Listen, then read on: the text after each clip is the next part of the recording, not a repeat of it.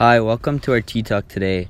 Today we'll be reviewing the book called The Break by Catherine Vermette. And uh, with me here I have Althea Rambos and Liana Vimonte. And uh, can I start with a little summary here from Althea? Alright, hi, it's Althea Rambos, and I'll just be doing a little recap about the book. So, here's what I know so far. From what I've read already, it's about mixed generations of indigenous living within the break. The break is a little area alongside McPhillips Street.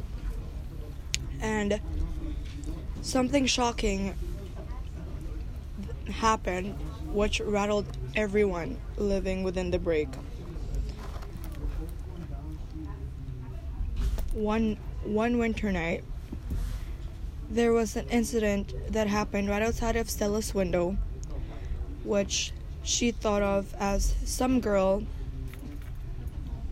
being hurt or wronged by someone. So she immediately called the police and told them about it.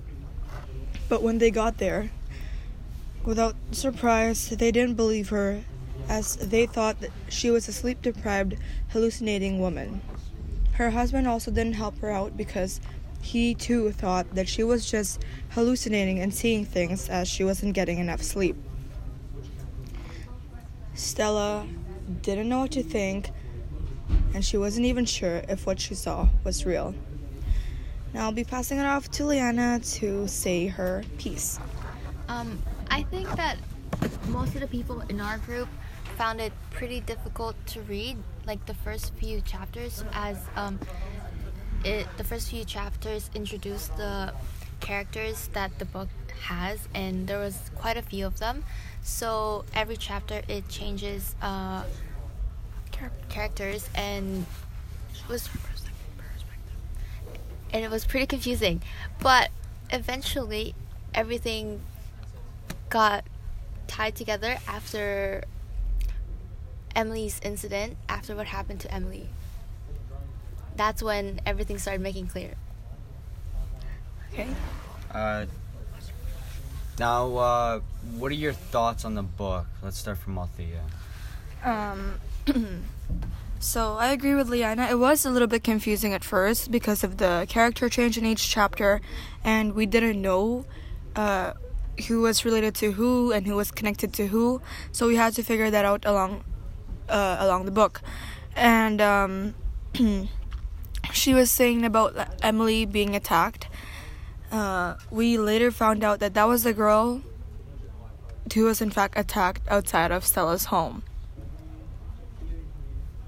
And um, I think that I think that they will later found out they will later find out that what really happened outside of Stella's home was real and was wrong.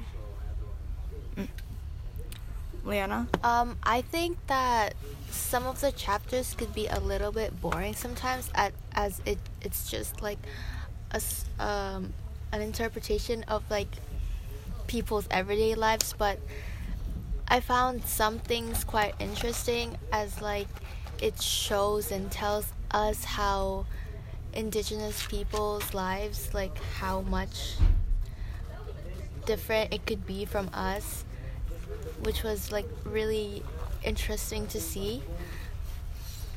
Uh, uh, now, could I get you to say who do you think is the victim and uh, why? Starting from Althea. what are you? What are your thoughts? Um. Well, Liana kind of slipped and said it was Emily who was the victim, but we didn't really find that out till um, three fourths of the book, and it took a while to get there, but there was this um, chapter uh, dedicated to Emily, a teenage girl who was crushing on a guy named Clayton, and that one afternoon he saw her and invited her to a party with him. And I already thought I immediately thought it was gonna be bad news when um it said in the background that his friends were just snickering around and like joking around. So I thought they were just inviting her to embarrass her. And after that chapter, it jumped on to some other character, so we didn't get back to that part till later on. But when we soon found out that they all went to the party, including Phoenix, Clayton's girlfriend. Uh, Phoenix was um, also a teenager who recently just escaped juvie, and um, she then found out that Emily was crushing on her boyfriend Clayton.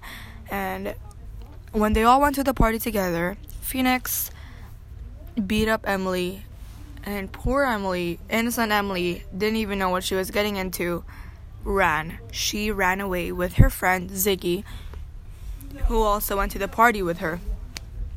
And as they were running away, Ziggy got separated, and uh, Emily ended up in the street of the break, and right outside of Stella's window, where uh, where more guys came after her, which I didn't really know at the time was related to Phoenix or not. And after that, it was then found out that she was not only abused, but she was also taken advantage of. Uh, um, well, in my opinion, I think that everyone is a victim. Starting from Stella, um, the police officers didn't believe her, which makes her a victim. They think that she's just making things up, or maybe she didn't see everything properly. And as well as um, Emily, she is a victim because because she was taken advantage of. She's a teenager. She's indigenous, and she's very innocent. Um, as well as her attacker, Phoenix. I know she did horrible things to Emily, but she also has a troubled past. But that still doesn't justify her actions. But I think that she is also a victim. She is in the system that's very flawed and that has really affected her and i think that has made her the way she is Mm-hmm. And I think another character to mention is the officer, Officer Scott. He is a Métis and he is always discriminated by his colleagues mm. And is always made fun of. So, therefore, I think everyone is a victim. Um, let me see here. Now, I know that you guys aren't finished the book quite yet, but what are your, some of the predictions that you think are going to happen uh, later into the book? starting from Althea. Okay, so like I said, I think that um, the police officers will sooner or later find out that Stella was actually telling the truth and um, that there will be justice served for Emily and what happened to her. Um, I think that the people, the people who wronged her, might get caught later on. And um, even though Emily's gonna be living with us for the rest of her life, she has her family to support her throughout the whole way. Hopefully, that's how it turns out. But um, that's my predictions now. But since I didn't cut, uh, I didn't quite get through the book yet, so I'm not really sure what's gonna happen near the end. How about you, Liana? Um, I agree with Althea. I think everything will connect at the end, and the whole mystery outside and outside of uh, Stella's window will be solved by Officer Scott, and hopefully Emily will be given the justice that she deserves. Now, uh, would you rate this book, and uh, who would you recommend it to if you would? Mm, so as far as I got, I would rate it about um, a seven out of ten.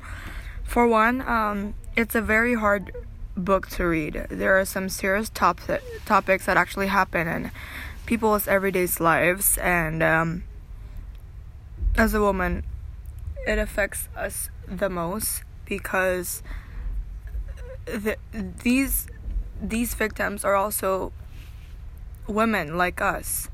And to think about it like any it could happen to anyone. It could be someone's daughter or friend or mom or aunt or anyone you know. It could happen to anyone you know. And just reading about um, someone having to experience something like that is heartbreaking especially someone within our age our age range. And it makes it it makes it much harder because we know that it actually happens in real life. Um, so I think I would only recommend this book to people who could handle um, real life hard topics like this and I would only recommend it to those who um, want to learn more about stuff like this and that like this thing actually happens to people and this isn't a read for those who have um, been affected by it because it might bring trauma back into their life. I would rate this book maybe an 8 out of 10 because um, the first few chapters are very slow and it could be a little bit boring, but um, right around the middle, it everything starts making sense and you you can connect everything and start making predictions. I would recommend this book to maybe non-indigenous young adults because like Althea said, it is a hard read because there are lots of mature topics and maybe uh, it's a good read for non-indigenous people so they can be educated about the stuff that they go through because sometimes it is pretty hard to understand why people the way they are and maybe reading a book can help them understand each other Okay, thanks. I think we'll finish it off here. All right, thank you. Bye. Bye. listening